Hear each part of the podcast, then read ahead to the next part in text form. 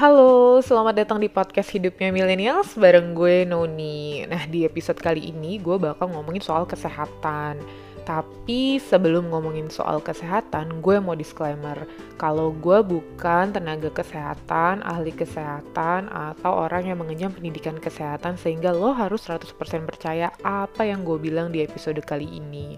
Gue bisa share ini karena berdasarkan pengalaman gue yang udah keluar masuk rumah sakit, udah kayak keluar masuk parkiran kampus ya kan. Pengalaman gue sama rumah sakit A, B, C, D dari rumah sakit negeri, RSUD, RS swasta, puskesmas, dan lain semacamnya ya kan. Gue udah kayak touring di rumah sakit-rumah sakit di Jakarta. Uh, maka dari itu gue bisa ngomong di episode kali ini dan bisa sharing pengalaman gue gimana sih uh, untuk ngejaga kesehatan nih buat teman-teman yang ya kira-kira mirip-mirip lah punya penyakitnya kayak gue. Nah tapi nih ya seperti yang udah kita tahu di masa pandemik ini, uh, millennials tuh kayaknya resiko kematiannya lebih kecil ya dibandingkan orang-orang tua yang usianya lebih dari 45 tahun. Makanya banyak banget anak muda yang sebetulnya tuh kena corona tapi ya fine-fine aja gitu kayak tanpa gejala, udah masih warawiri, masih ngopi di sana sini ya kan tapi sebenarnya dia tuh uh, mengidap corona gitu menderita corona gitu. Uh, terus akhirnya sampai dia sembuh uh, mereka cukup isolasi diri terus berobat jalan lah istilahnya dari dokter terus um, kalau ngelihat di masa pandemi kayak gini juga kayaknya sih anak, muda bisa berbangga diri ya. Oh deh gue kuat nih kan gue kebal. Dulu rajin ke posyandu nih gue vaksin udah lengkap di KMS ya kan. Nah tapi bukan itu sih sebenarnya bukan berarti kita kebal dari semua penyakit. Oke okay lah kalau misalnya kita ngerasa kayak wah anak muda kayaknya lebih uh, potensi buat terpapar corona dan akhirnya tanpa gejala gitu kayaknya lebih oke okay nih dibandingin dibandingkan sama orang-orang tua. Bukan berarti lo tuh bisa berbuat seenaknya sama badan lo gitu. Badan lo tuh diciptain sama Tuhan gitu ya kan. Waduh, masya Allah, syariah banget ini podcast. Nah, jadi uh, lo tuh gimana caranya lo tuh bisa jagain badan lo sampai lo mati gitu lo dititipin badan dititipin tubuh sama Allah dan lo nggak jaga gitu punya hak apa anda? Haha punya hak apa anda sama badan anda ya kan? Uh, segitu aja intermezzonya. Kita balik ke topik yang mau gue bahas kali ini.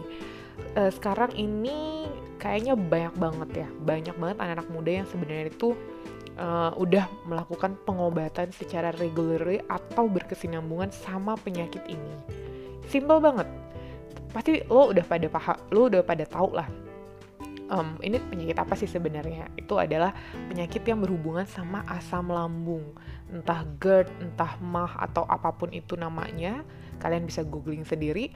Itu banyak banget mereka, uh, khususnya millennial age atau uh, anak-anak uh, muda yang sebenarnya mengidap penyakit ini. Tapi sebenarnya nggak semua mencoba buat ngubah pola hidupnya jadi sebenarnya tuh tuh percuma aja. Begitu lo kumat lo minum obat, kumat lo minum obat, kumat minum obat sampai obatnya aja tuh bosen masuk kerongkongan lo tau nggak? Ya dia lagi nih ya kan. Percuma gitu kalau lo nggak ngubah pola hidup lo dan berharap ketika lo makan makanan pedes, lo makan yang mengandung asam tinggi lo bakal baik-baik aja tuh percuma aja gitu kalau lo nggak ngubah pola hidup lo. Nah kalau berdasarkan pengalaman gue selama ini um, gue tuh bolak-balik rumah sakit setahun tuh bisa dua kali.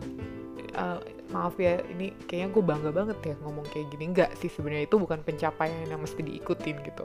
Kayak uh, tahun lalu itu gue masuk rumah sakit dua kali terus tahun sebelumnya dua kali juga gitu. Jadi kayak um, udah kayak les daily ya kali ya. ya ini bedanya tahunan gitu. Gue ngambil paket tahunan lah di rumah sakit rumah sakit ya kan. Jadi kayaknya orang-orang tuh kalau yang baru masuk rumah sakit masukin jarum uh, infus tuh udah biasa aja. Nah kalau gue aduh nih silakan lu mau yang mana? Gue udah nggak nyeri-nyeri sakit gimana gitu ya kan. Gue kalau bisa udah lo terserah gue sambil diam udah jadi ya habis itu. Nah itu udah perawatnya keluar gitu ya kan itu um, kenapa sih sebenarnya waktu dua tahun lalu tuh gue uh, sering bolak-balik rumah sakit? Sebenarnya simple jawabannya. Itu karena gue nggak ngubah pola hidup gue dan selalu penyakit gue tuh urusannya sama lambung. Buat anak-anak millennials gue yakin banget rata-rata pola hidupnya tuh nggak jauh beda sama gue lo tau apa yang bikin asam lambung lo tuh cepat naik itu cuman satu sih. Itu menurut gue ya bukan karena kopi bukan karena makanan pedes bukan karena A B C D. Itu karena lo stres ya kan? Kenapa sih stres tuh bisa bikin asam lambung lu tuh naik? Sebenarnya sih stres itu masih diperdebatkan ya. Apakah stres ini benar-benar bisa meningkatkan produksi asam lambung secara fisik? Atau um, kayak emang memperburuk uh, asam lambung lo gitu. Tapi karena sejauh ini setelah gue meminimalisir stressful gue dan gue cari tahu kenapa ya gitu gue kayaknya hidup happy happy aja ya kan? Gue kayaknya nggak kekurangan apa-apa. Ya ilah belagu banget gue ya padahal cicilan numpuk coy. Nah tapi kenapa gue tetap stres gitu? Gue cari tahu nih dalam hidup gue kira-kira apaan sih sih yang bikin gue stres dan bikin asam lambung gue naik? Simply gue tuh stres sama jalanan coy. Jalanan Jakarta tuh gue tuh gue gue kerja selama ini nggak pernah yang deket-deket dari rumah gitu. Gue yang deket dari rumah cuman sekolah doang SD ya kan 5 menit. Yang kalau istirahat gue balik ke rumah gitu makan. Gue tuh kalau kerja emang jauh-jauh terus. Nah gue di kerjaan juga gue nggak pernah kayak gue orangnya ya udah kalau misalnya susah ya gue kerjain gitu. Tapi kalau gue udah ketemu jalanan gue tuh kayak gila gue udah stres banget bisa gak sih gue hidup lewat uh, ini aja gue bisa terbang aja gak sih? Gue nggak usah naik busway gue nggak usah naik motor gue nggak usah naik ini, ini ini. Itu tuh dan itu tuh ternyata bikin gue stres banget di jalanan. Terus yang kedua selain stres itu gue kurang tidur banget. Gue tuh mungkin buat sebagian orang tidur jam 12 fine, tidur jam 1 oke okay, kan.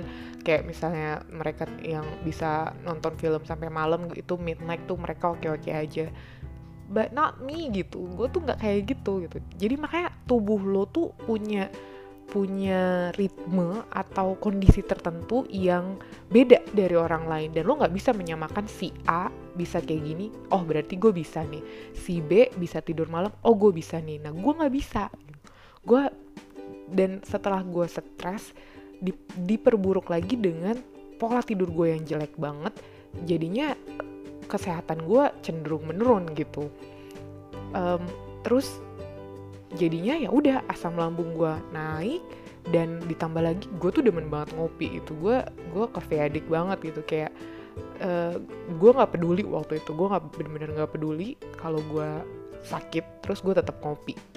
Nah itu yang bikin sebenarnya lu makin parah. Lu kayak lu hanya uh, mencangkul di lubang yang sama terus gitu. Lu tutup lo cangkul lagi lo tutup lo cangkul lagi kayak bayar utang ya.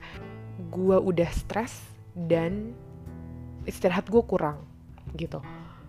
Terus gue juga waktu itu gue kayak olahraga kayak cuman seminggu sekali dua minggu sekali. Padahal tuh dulu gue zaman kuliah zaman SMA tuh gue lari terus kan.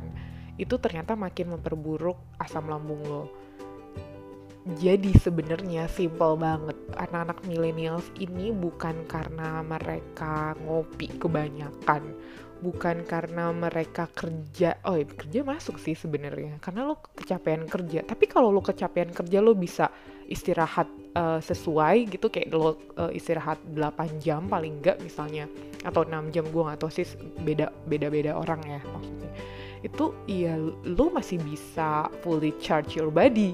Tapi kalau lo udah kecapean di tempat kerjaan lo udah stres ditambah lagi lo stres sama jalanan lo makan yang nggak bener ya udahlah cuy. Ya kan lo tinggal tinggal uh, nunggu waktu aja gitu asam lambung lo naik naik naik mati ya kan? Makanya penting banget buat kita anak-anak muda itu kelola stres seminimal mungkin. Apa sih cuy yang lo pikirin ya kan? Cicilan bisa dibayar ya kan? Uh, kalau misalnya lagi kena PHK kan terdapat kerjaan lagi nggak usah dipikirin. Hidup tuh sans aja. Karena uh, semuanya tuh udah ada jalannya masing-masing gitu. Semuanya tuh termasuk rezeki tuh udah ditetapkan. Jadi udah santai aja gitu. Nggak usah nggak usah terlalu ambisius nggak usah terlalu dibawa pikiran banget. Dan yang kedua lo tuh mesti banyak tidur sih. Dan gue ngerasa selama gue di rumah aja ini gue kan banyak tidur ya gitu. Gue kayak walaupun gue um, tidurnya malam misalnya gue tidur jam 11 atau jam 12 malam itu gue tetap kayak cukup banget gitu gue istirahat. Gue quality time banget. Itu tidur sih tidur yang cukup. Karena stres dan tidur itu membentuk siklus tidur itu pereda stres alami kalau lu punya penyakit gitu. Lo udah capek banget.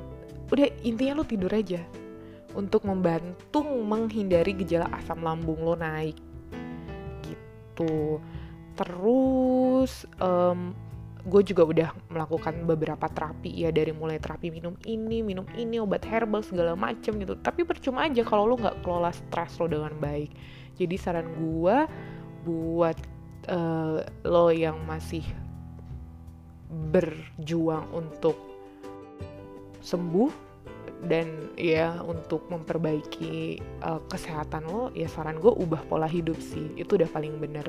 Dengan lo ubah pola hidup dengan lo makan yang bener dengan lo ngurangin stres lo cukup tidur lo uh, rajin olahraga olahraga tuh nggak mesti ribet-ribet men. Lo tinggal push up sit up back up lari di tempat di kamar lo aja tuh jadi gitu. Emang lo nya aja yang mageran ya kan? Lo nya aja yang kaum rebahan mulu intinya. Itu tuh udah cukup banget menurut gue karena uh, apa ya sesuatu yang lo lakuin ber, berkesinambungan itu itu much better banget dibanding lo nggak ngelakuin itu gitu. Jadi mungkin sampai sini aja episode gue kali ini. Uh, semoga bermanfaat dan semoga lo bisa uh, mengubah pola hidup lo menjadi lebih sehat. Karena jangan pernah ngerasa badan lo itu cuman milik lo aja. Oke okay? stay tune terus. Jangan bosan-bosan dengerin hidup ya millennials. Sampai jumpa di episode berikutnya